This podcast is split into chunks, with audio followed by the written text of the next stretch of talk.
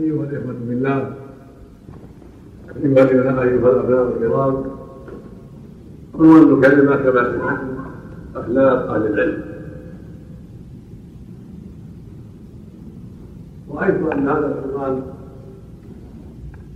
مناسب لأن علينا جميعا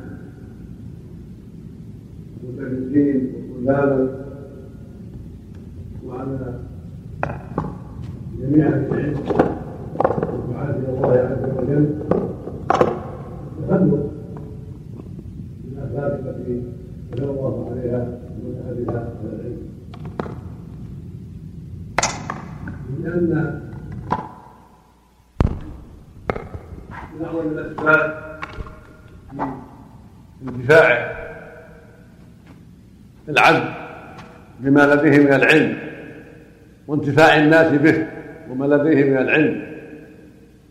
فإذا كانت الأخلاق ليست أخلاق أهل العلم كان ذلك من أسباب الزهد فيه وسوء الظن به. الله يقول جل وعلا في كتابه العظيم نون والقلم وما يسطرون ما أنت بنعمة ربك بمجنون. وإن لك لأجرا غير ممنون وإنك لعلى خلق عظيم. المخاطب كما هو معلوم ونبينا عليه الصلاة والسلام. أخبر سبحانه أنه على خلق عظيم. فجدير بنا معشر طلبة العلم أن نتخلق بخلقه وأن نسير على نهجه لأنه الإمام المعظم المبجل المقتدى عليه الصلاة والسلام. لقد كان لكم في رسول الله أسوة حسنة لمن كان يرجو الله واليوم الآخر وذكر الله كثيرا. ولأن الرسل عليهم الصلاة والسلام وعلى رأسهم نبينا محمد عليه الصلاة والسلام هم أئمة الناس وهم على رأس أهل العلم. وهم قدوة العلماء العلماء خلفاؤهم يجب من ينتسب إلى العلم أن يتخلق بأخلاقهم ويسير على نهجهم ولا سيما إمامهم ورئيسهم ومقدم نبينا محمد عليه الصلاة والسلام. قالت عائشة رضي الله عنها لما سئلت عن خلق النبي عليه الصلاة والسلام قالت كان خلقه القرآن. هذه الكلمة العظيمة من عائشة رضي الله عنها ترشدنا إلى أن أخلاقه عليه الصلاة والسلام هي اتباع القرآن. هي الاستقامة على ما في القرآن من أوامر ونواهي. التخلق بالأخلاق التي مدحها القرآن العظيم وأثنى على أهلها. والبعد عن كل خلق ذمه القرآن وعاب أهله. كلمة جامعة مختصرة عظيمة. فجدير بأهل العلم من الدعاة والمدرسين طلبة جدير بهم أن يعنوا بكتاب الله وأن يقبلوا عليه حتى يأخذوا الأخلاق التي يحبها الله عز وجل وحتى يستقيموا عليها وحتى تكون سيرة لهم وخلقا لهم أينما كان. يقول عز وجل إن هذا القرآن يهدي للتي فهو الهادي للطريقة التي هي الطرق وأهل السلوك وهل هناك هدف للمؤمن أعظم من أن يكون على أهل السلوك وأقومها وأصلحها؟ هذا أعظم الأهداف وأهمها أن تكون على الخلق العظيم الذي هو أهل الخلق وأسمى الخلق وأرفعه وأعظمه وهذا هو خلق النبي عليه الصلاة والسلام وخلق الأنبياء وخلق أتباعهم بإحسان. وإنك لعلى خلق عظيم عليه الصلاة والسلام.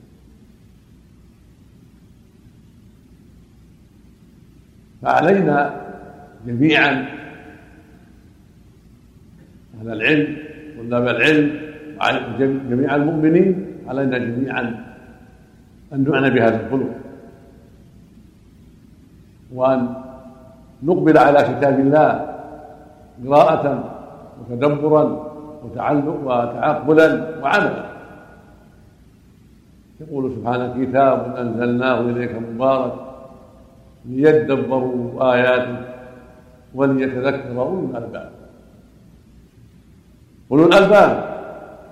أما غيرهم فلا قيمة لهم أولو الألباب هي العقول واللب العقل العقول الصحيحة التي هبها الله بالبصيرة.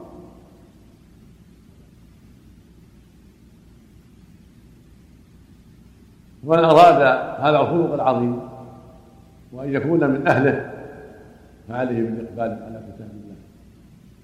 عليه بالعناية بكتاب الله تلاوة وتدبرا وتعقلا ومذاكرة بينه وبين الملائكة وسؤالا لأهل العلم عما أشكل عليه حتى يسير على هذا النهج القويم حتى يكون من أهل كتاب الله قراءة وتدبرا وعملا.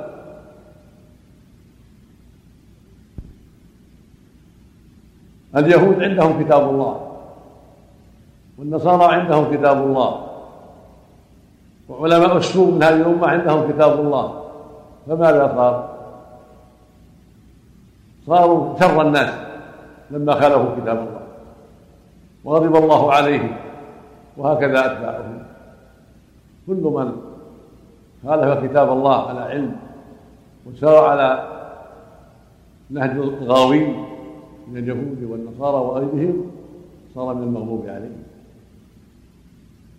فالمقصود أن نعمل بكتاب الله وأن يكون خلقا لنا.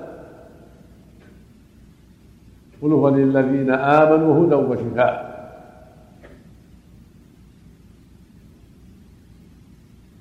وسمعتم في قراءة الطالب قبل دقائق يقول جل وعلا للنبي صلى الله عليه وسلم قل هذه سبيلي أدعو إلى الله على بصيرة أنا ومن اتبعني وسبحان الله وما أنا من المشركين هذا أيضا من الأخلاق من اخلاقه عليه الصلاة والسلام ومن أخلاق أهل العلم جميعا أهل العلم والبصيرة أهل العلم والإيمان أهل العلم والتقوى. لا مجرد أهل العلم من غير من غير تقوى وإيمان. هذه الحالة. الدعوة إلى الله على بصيره على بينه على هدى لا على جهل وضلاله وهوى. هذا العلم من أخلاقه الدعوة إلى الله على بصيره بيان الحق والإرشاد إليه بادلته الشرعيه قولا وعملا وعقيده وهم دعاة الخلق وهداتهم على ضوء كتاب الله وسنة الرسول عليه الصلاة والسلام. لا يشترون بآيات الله ثمنا قليلا. بل يبلغون الناس من الله. ويرشدونهم إلى حق الحق الذي بعث الله به نبيه عليه الصلاة والسلام. ويصبرون على الأذى. في جميع الأحوال في شدة والرخاء وبهذا يعلم أن من دعا على جهالة فليس على خلق النبي صلى الله عليه وسلم. وليس على خلق أهل العلم. بل هو مجرم قد جعل الله القول عليه بغير علم فوق مرتبة الشرك لما يترتب عليها من الفساد العظيم. قال تعالى في كتابه المبين قل إنما حرم ربي الفواحش ما ظهر منها بطن والإثم والبغي بغير الحق وأن تشركوا بالله ما لم ينزل به سلطانا وأن تقولوا على الله ما لا تعلمون فجعل سبحانه القول عليه بغير علم في القمة في المرتبة الدنيا لأن هذه الآية فيها الترقي فانتهى إلى الشرك ثم القول على الله بغير علم وبهذا يعلم خطر القول عليه بغير علم لا يعلم خطر القول عليه بغير علم وأنه من المنكرات العظيمة والكبائر. الخطيره بما فيه من العواقب السيئة وإضلال الناس.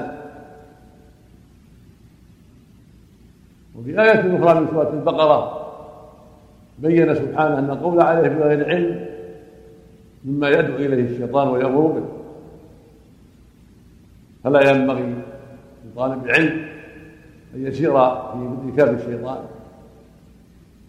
وأن يأخذ أوامره.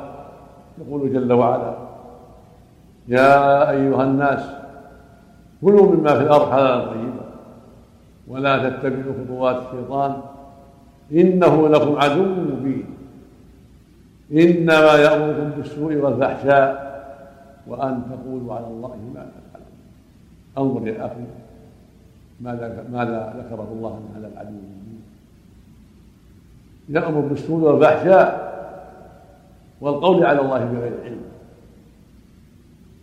لما يعلم من عظم الخطر والفساد في القول عليه بغير علم. لأن القول على الله بغير علم يحل الحرام ويحرم الحلال وينهى عن الحق ويأمر بالباطل لجهل. فالواجب على أهل العلم طلبة العلم الحذر من القول على الله بغير علم.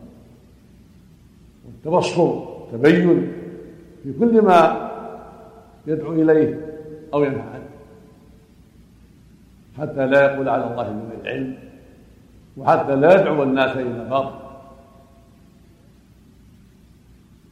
والعلماء في الله هم أعظم الناس خشية لله وهم أكمل الناس خوفا من الله. وهم أكمل الناس وقوفا عند حدوده. قال تعالى إنما يخشى الله من عباده العلماء. كل مسلم يخشى الله. كل عالم يخشى الله. لكن خشية متفاوته فأعظم الناس خشية بالله وأكبر الناس خشية بالله هم العلماء. العلماء بالله. العلماء بدينه وهم ليسوا علماء الطب. وليسوا علماء الهندسة وليسوا علماء الجغرافيا وليسوا علماء الحساب وليسوا علماء كذا وكذا. العلماء بالله وبدينه وبما جاء به رسوله عليه الصلاة والسلام. وعلى راسهم الرسل عليهم الصلاة والسلام. رسل الأنبياء هم رأس العلماء. وهم قدوة العلماء وهم الأئمة. والعلماء بعدهم خلفاء خلفاء لهم. ورثوا علمهم ودعوا إلى ما دعوا إليه. كما في الحديث العلماء ورثوا الأنبياء. فالجدير بأهل العلم وإن تأخر زمانه كزماننا هذا جدير بهم أن يسلكوا مسلك أوائلهم الأخيار.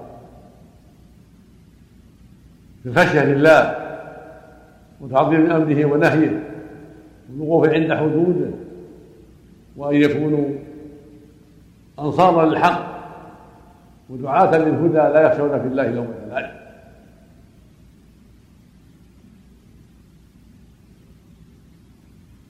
وبذلك ينفع علمهم وتبرأ ذمتهم وينتفع الناس به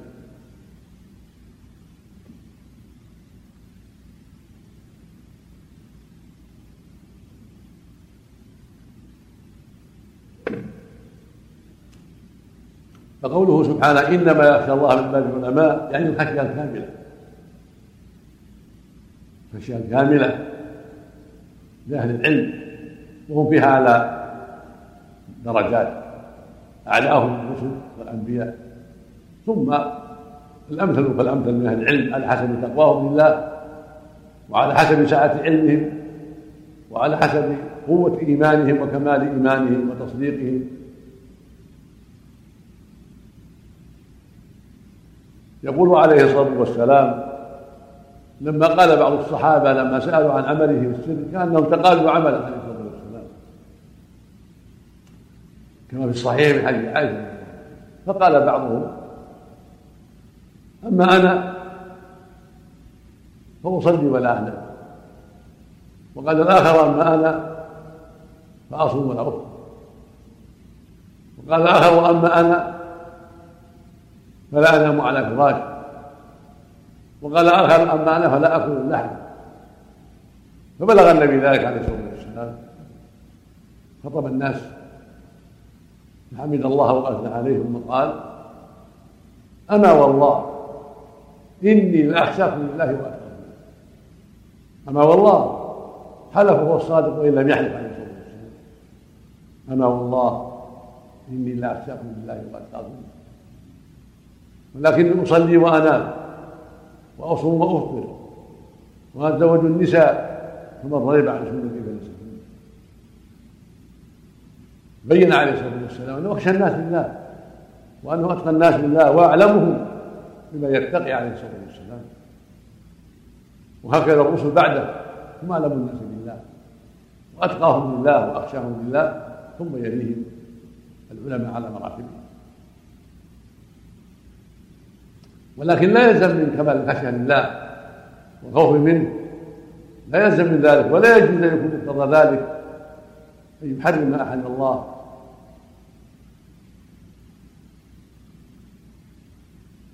أو يبيح ما حرم الله. أي أو يحرم ما أحل الله. أو يحرم أو يبيح ما حرم الله. أو يوجب ما لم يوجب الله خشيه لله تقتضي الوقوف عند حدود الله. والسير على منهج رسول الله عليه الصلاه والسلام إذا زاد على ذلك صار تنطعا غلوا لا يجوز العالم يقف عند حدود الله في الإباحة والمنع. في العمل والترك.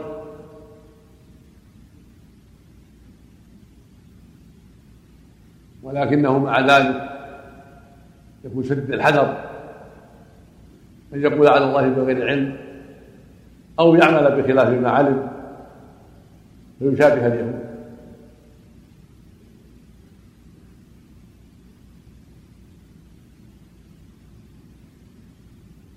وقد ذكر الله سبحانه عن بعض أهل الكتاب العاملين إلى خصال حميده تذكيرا لنا كما قال لقد كان في القصص عبرة لأولي الألباب. في التاريخ والقصص عبر. كما قال عز وجل ليسوا سواء. من أهل الكتاب أمة قائمة يتلون آيات الله آناء الليل وهم يسجدون. يؤمنون بالله واليوم الآخر ويأمرون بالمعروف وينهون عن المنكر ويسارعون في الخيرات. وأولئك من هذا نموذج من أعمالهم الطيبة هذه الصفات الحميدة. لما ذكرها لماذا ذكرها سبحانه؟ لنقتدي ولنسلك هذا المسلك ونتأسى بأهل الخير. وهكذا في آخر سورة العمران جل وعلا. وإن من أهل الكتاب لمن يؤمن بالله وما أنزل إليكم وما أنزل إليهم خاشعين. لا يشترون بآيات الله ثمنا قليلا أولئك لهم أجرهم عند ربهم. إن الله سميع هذه من الخصال الحميدة التي أخذ بها خيار الكتاب ومن هداه الله من علمائه إيمان بالله وخشوع خضوع لله. وطاعة له وذل بين يديه. خوف منه سبحانه وتعالى. ثم مع ذلك لا يسخرون بآيات من لا يجحدون الحق ولا يكتمونه كما فعل علماءهم الضالون. كتموا صلة محمد عليه الصلاة والسلام وكتموا كثيرا من الحق من أجل مآكلهم وما أرادوا من الهوى. أما أهل العلم والإيمان من الأولين والآخرين أهل الخوف من الله فإنهم ينطقون بالحق ويصرحون به ولا يشترون قليلا بل من أعمالهم العظيمة. بيان الحق والدلالة عليه والدعوة إليه. والتحذير من الباطل. والترهيب منه. يرجون ثواب الله ويغفر العقاب سبحانه وتعالى.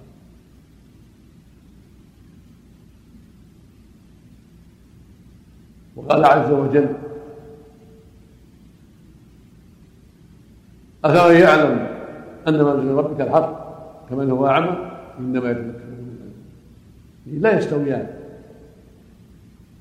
كما في الآية الأخرى يقول هل يستوي يعلمون والذين يعلمون إنما يتذكر الألباب هكذا. فمن يعلم أن ما أنزل من ربك الحق كمن هو أعمى لا يستوي من يعلم أن هذا الحق منزل من عند ربنا والهدى والصلاح والإصلاح. لا يستوي هؤلاء. من؟ مع من هو أعمى. لا يعرف الحق. ولا يهتدي إليه بفساد تصوره وانحراف قلبه وفساد الأم لا يستوي هؤلاء وهؤلاء. ولهذا قال إنما يتذكر أولو الألباب. هذا التذكر والتبصر هم أولو الألباب أولو العقول الصحيحة السليمة.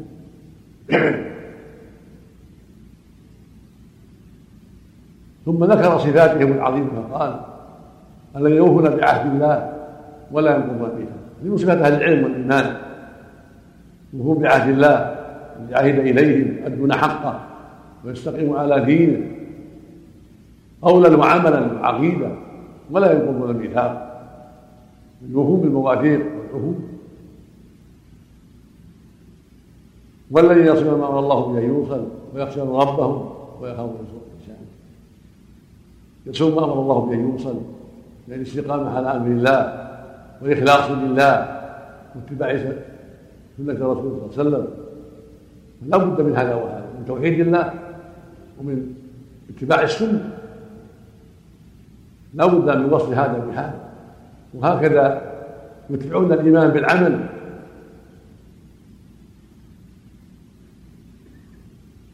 ومن ذلك بر الوالدين وصله الرحم إلى غير ذلك ويخشون ربهم يعني الخشية التي تعينهم على طاعة الله وتمنعهم من معاصي الله. يخشونه سبحانه خشية حقيقية لا مجرد دعوة خشية تؤثر في قلوبهم وتجعلها خاضعة لله خاشعة له معظمة له تاركة النواهي ممتثله الاوامر هكذا أهل العلم والايمان يخشون ربهم يعني الخشية التي تثمر أداء الحق وترك الباطل. ويخافون سوء الحساب.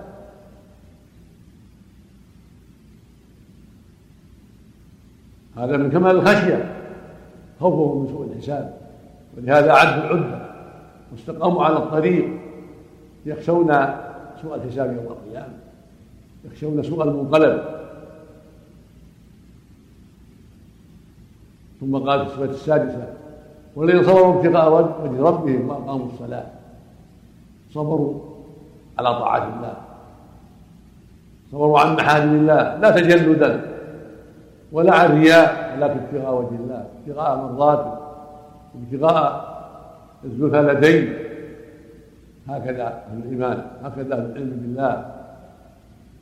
يصبرون على الشدائد في أداء طاعة الله. وفي ترك معاصي الله وفي تبليغ رسالة الله وفي الوقوف عند حدود الله. وأقاموا الصلاة. لم يفرقوا في ما أوجب الله عليهم من هذه العبادة العظيمة وهي عمود بالإسلام الصلاة بل أقاموها كما أمر الله وأدوها كما أمر الله. ثم هم مع هذا ينفقون. من سرا وعلانية وهم ينفقون في مرضاته وفي الإحسان إلى عباده سرا وعلانية. شيء يراه الناس وشيء لا يراه الناس. يبتغون فضل الله يبتغون رحمته بإحسان. من الزكاة وغيرها. ينفقون. يؤدون الزكوات وينفقون في وجوه الخير مما أعطاهم الله.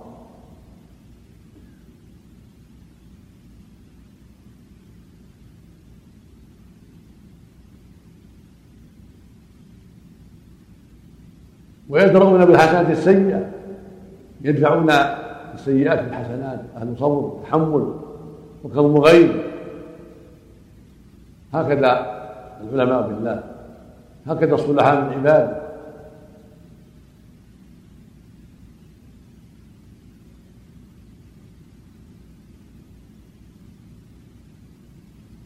قال تعالى أولئك لهم أمر الدار لهم العاقبة الحميد فسرها بقوله جنات عدن يدخلونها. ومن صلح من آبائهم وأزواجهم وذرياتهم. من ثوابهم على هذا أن الله يصلح لهم ذرياتهم وأزواجهم. فضلا منه سبحانه وتعالى. فالاستقامة على أمر الله وأداء حق الله والأمر بالمعروف والنهي عن المنكر والثبات على الحق والصبر في ذلك ودرء السيئة بالحسنة كل هذا من أسباب صلاحك وصلاح ازواجك وذرياتك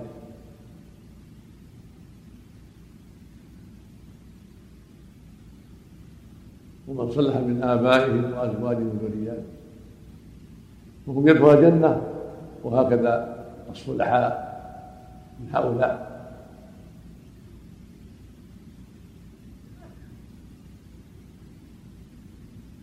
ومن نعم الله عليك أن تكون سببا لهداية أبيك وأمك وزوجتك والمرأة سببا لهداية زوجها وأولادك. كل هذا من نعم الله العظيم. جنات ومن صلح من آبائهم وأزواجهم وذرياتهم. هذا من نعم الله العظيم. أن يجتمع المؤمن بسبب عمله الصالح وتقواه لله بأبيه وأقاربه وزوجته توجه المرأة بزوجها وهكذا بذرياته. هذه من نعم الله العظيمه وذلك باسباب صلاحه ومن صلح لا بمجرد الانساب لكن بسبب الصلاح والاستقامه اجتهادك وطاعتك لله من أعظم الأسباب في صلاح اقربائك وزوجتك وذرياتك ثم قال بعد هذا جل وعلا والملائكة يدخلون عليهم من كل باب. سلام عليكم بما صبرتم يبين سبحانه أن هذه الأعمال لم تأتي بهويدا ولم تأتي بالدعوى ولا بالتمني ولكن بالصبر. بالله بالصبر بضراعتهم لله وإقبالهم عليه وإخلاصهم له وضراعتهم إليه بالتوفيق بطلب التوفيق والهداية وصبرهم على الشدائد وصبرهم على المشاق وصبرهم على أداء الواجب وصبرهم عن المحارم وصبرهم على المصائب. حصل لهم هذا الخير العظيم أولئك لهم حق الدار جنات يدخلونها ومن صلح من آبائهم وأزواجهم وذرياتهم. والملائكة يدخلون من كل باب. سلام عليكم بما صبرتم فإن هكذا ينبغي لأهل الإيمان لأهل العلم والهدى. يتخلقوا بهذه الأخلاق العظيمة ويسروا عليها حتى تكون لهم العاقبة الحميدة حتى يكون لهم عقبى الدار. فلا بد من صبر ولا بد من إخلاص ولا بد من صدق. قال تعالى وجزاهم بما صبروا جنة وحديقا قال سبحانه إني جزيتهم اليوم بما صبروا أنهم هم الفائزون. قال ما قال لما ذكر صفات عباد الرحمن العظيمة قال أولئك يجزون غرفة بما صبروا. يعني جنة ويلقون فيها تحية. وسلام هذه الخصال الحميدة التي ذكرها في قوله وعباد الرحمن إلى آخره حصلت لهم بسبب صبرهم على طاعة الله وصبرهم عن محارم الله وصبرهم على المصائب. لا بد من العناية بهذا الأمر. لا بد أن تعد لهذا عدته لا بد أن يعلم طالب العلم أنه لا بد من صبر. وأن هذه الأعمال العظيمة والخير الكثير لا لا يحصل بمجرد الدعوى والرغبة والتمني من دون عمل وصبر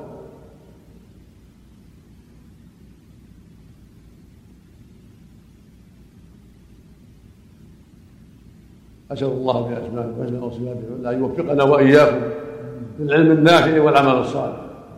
وأن يرزقنا وإياهم التخلق بأخلاق أهل العلم والإيمان أخلاق الرسل وأتباعهم بإحسان وأن يزيدنا وإياكم من العلم النافع والعمل الصالح والبصيرة النافذة وأن يعيننا جميعا من شرور أنفسنا ومن سيئات أعمالنا.